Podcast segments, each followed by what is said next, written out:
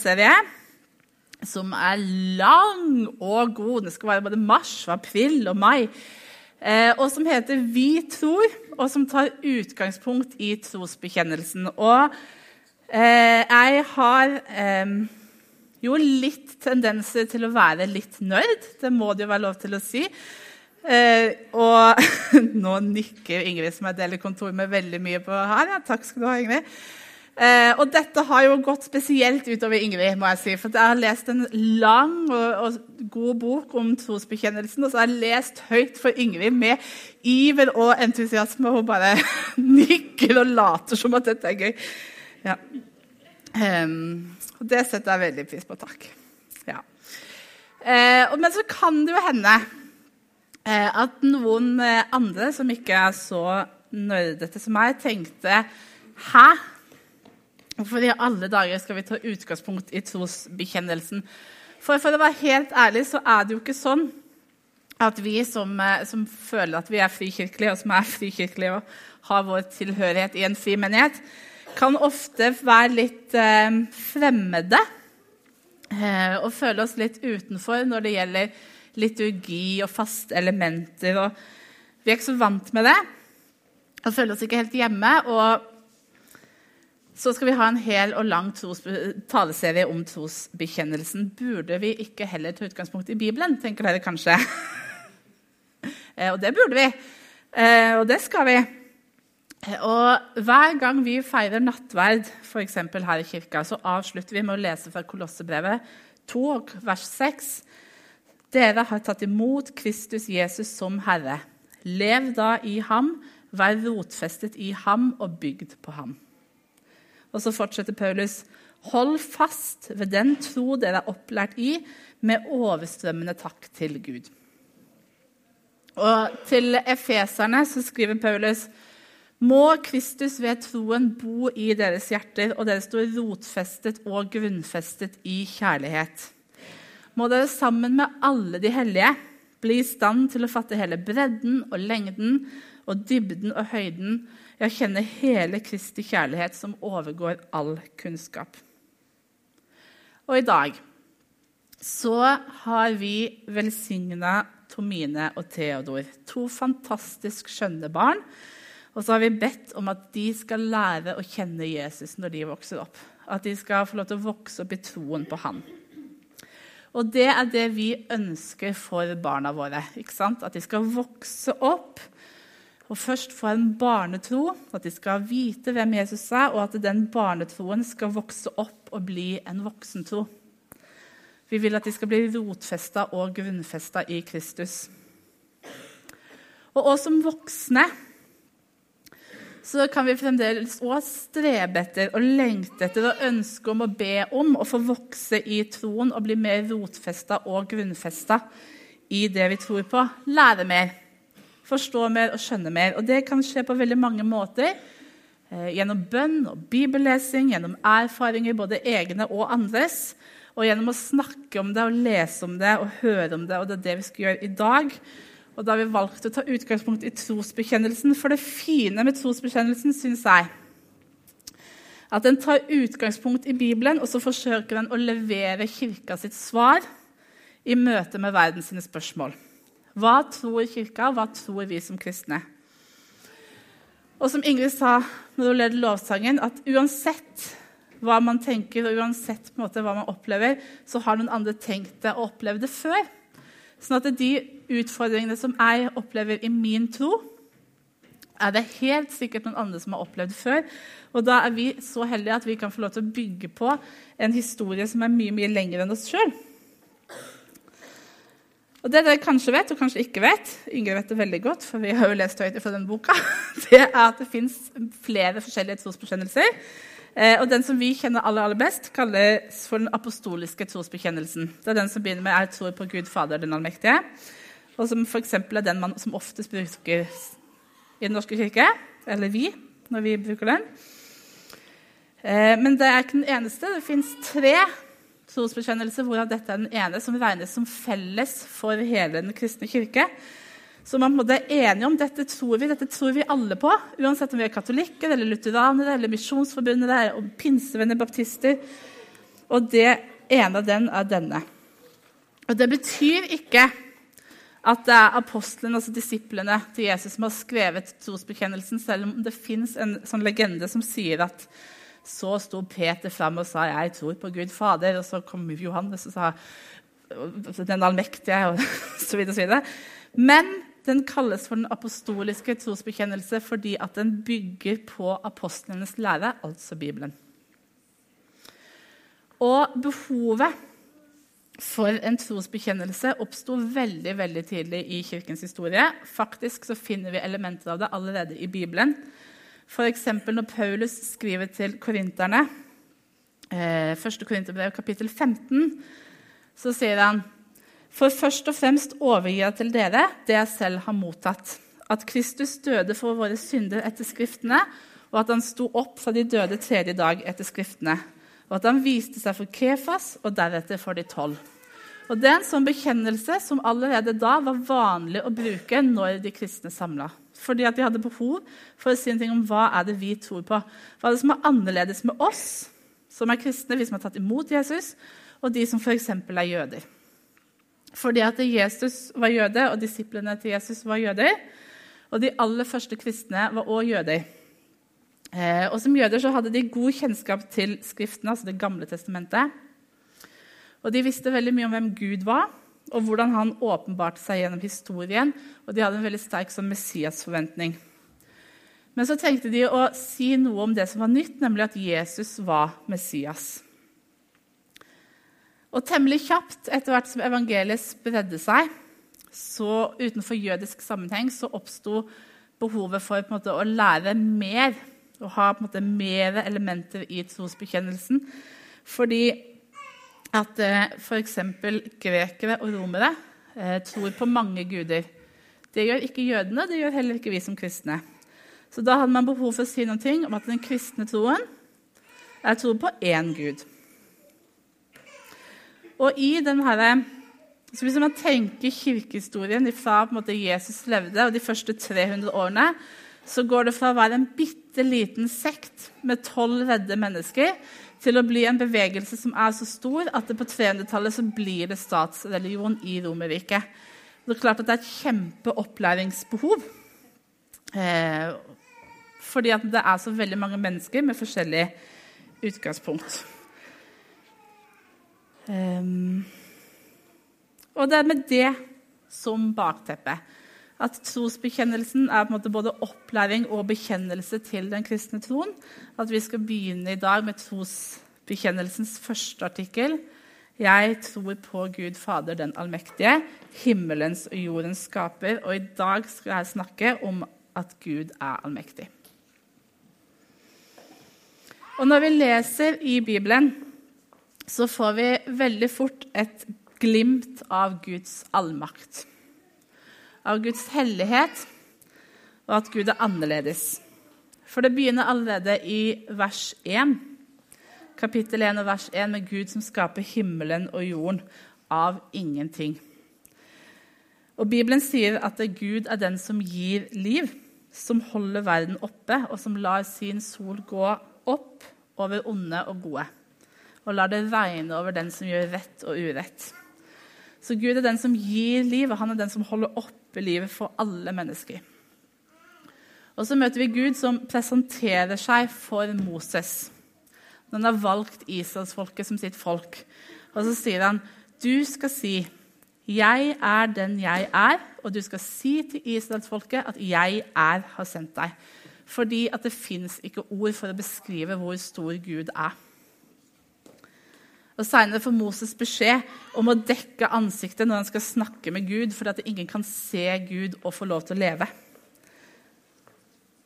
Eh, eller salmisten som skriver Når jeg ser din himmel, et verk av dine fingre, månen og stjernene som du har satt der, hva er det et menneske at du husker på det?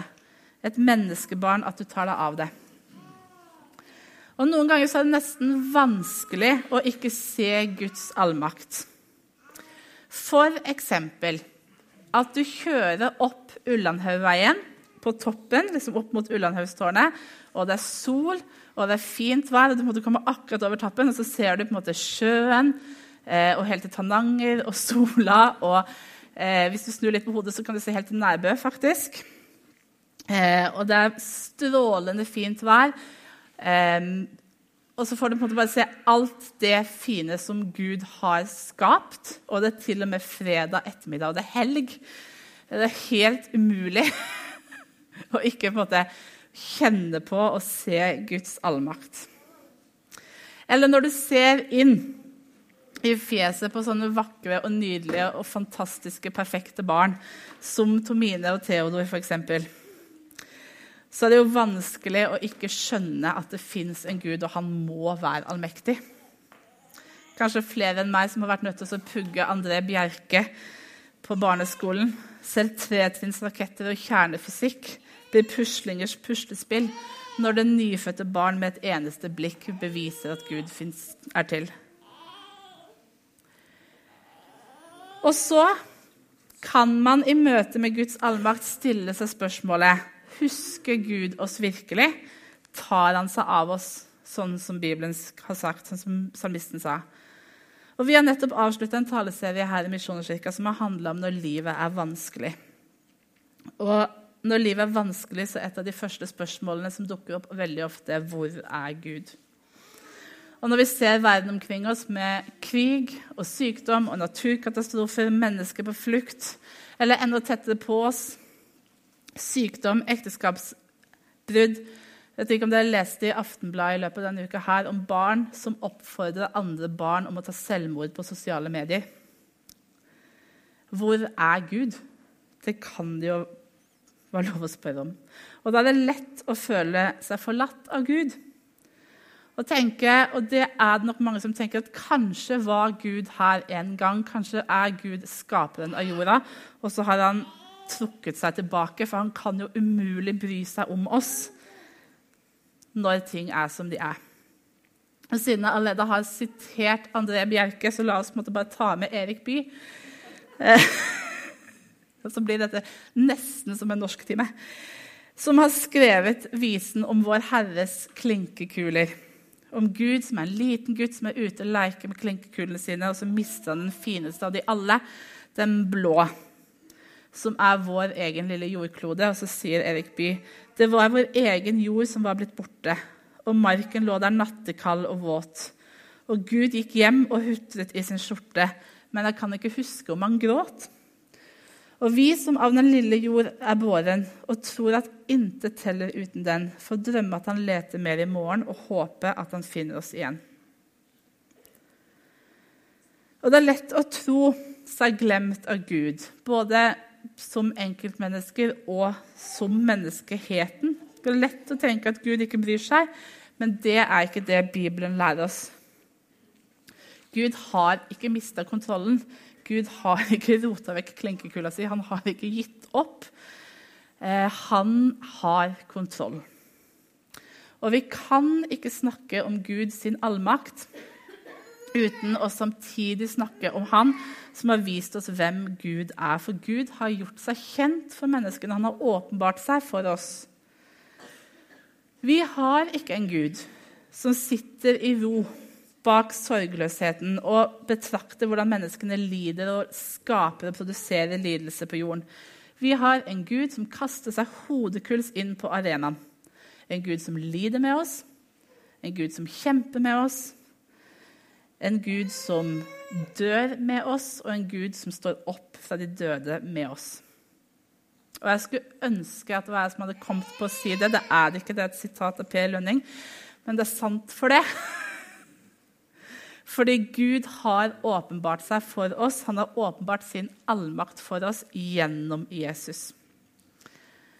Jesus han sier eh, Det står i Matteusevangeliet helt på slutten, etter korsfestelsen, etter oppstandelsen, så står det Da trådde Jesus fram for dem og sa, 'Meg er gitt all makt på himmel og på jord'.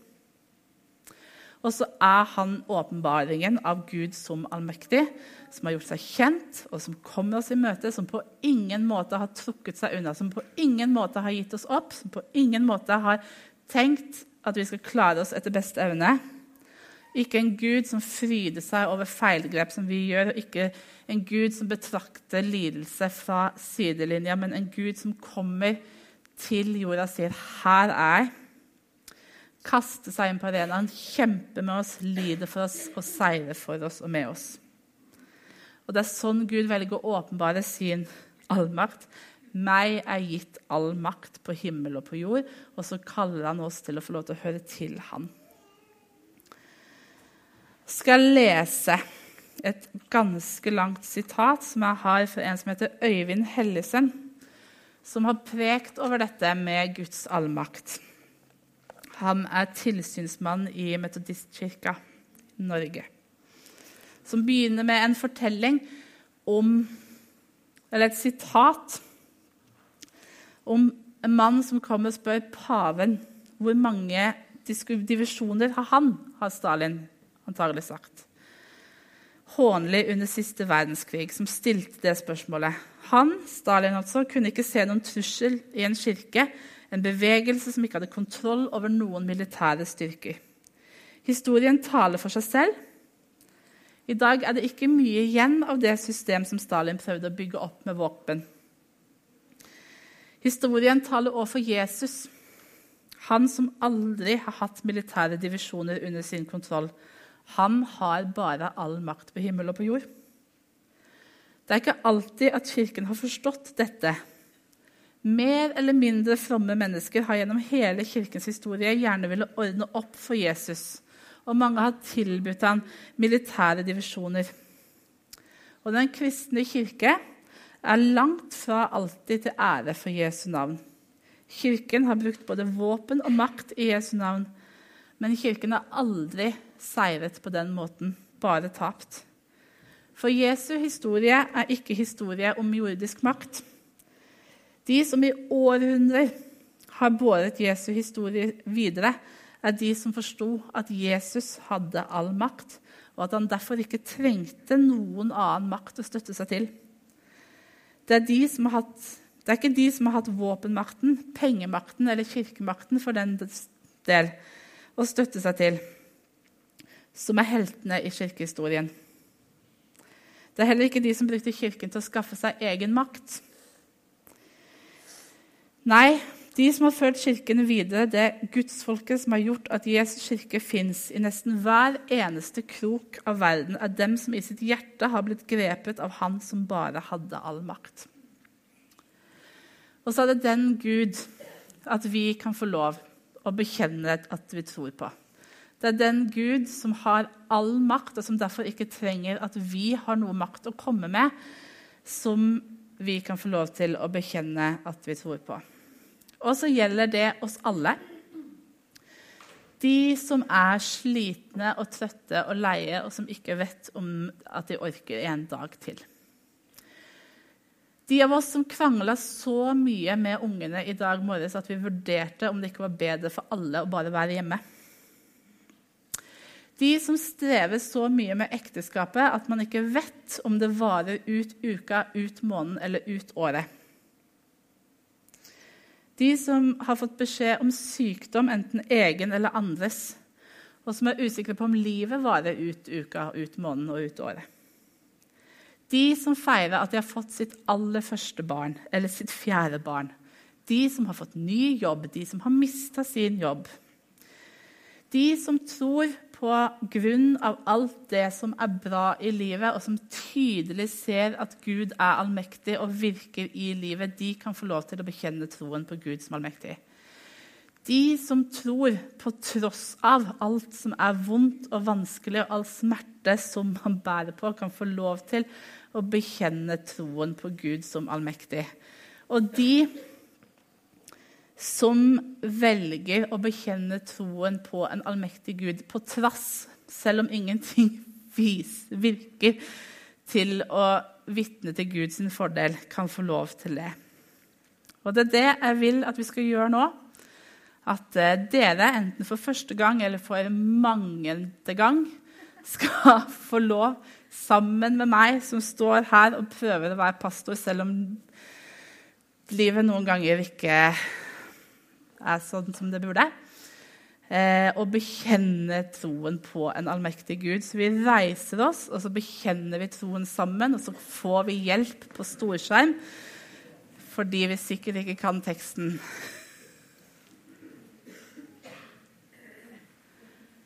Jeg tror på Gud Fader, den allmektige, himmelens og jordens skaper. Jeg tror på Jesus Kristus, Guds enbårne sønn, vår Herre, som ble unnfanget ved Den hellige ånd, født av jomfru Maria, pint under Pontius Pilatus, korsfestet, død og begravet, for ned til dødsriket, sto opp fra de døde tredje dag, for opp til himmelen, sitter ved Guds, den allmektige Faders høyre hånd, skal derfra komme igjen for å dømme levende og døde. Jeg tror på Den hellige ånd, en hellig allmenn kirke, de hellige samfunn, syndenes forlatelse, legemets oppstandelse og det evige liv. Amen.